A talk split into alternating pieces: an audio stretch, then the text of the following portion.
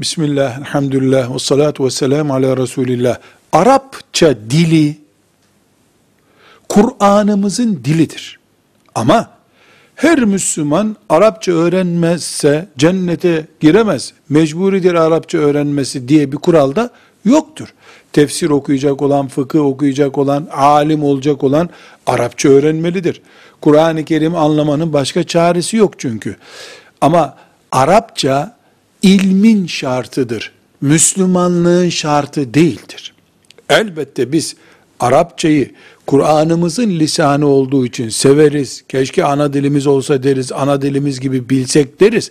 Ayrı bir mesele ama Arapça İslam'ın şartlarından değildir. Müslümanlığı ispat etmek İslam'ın şartlarındandır. Velhamdülillahi Rabbil Alemin.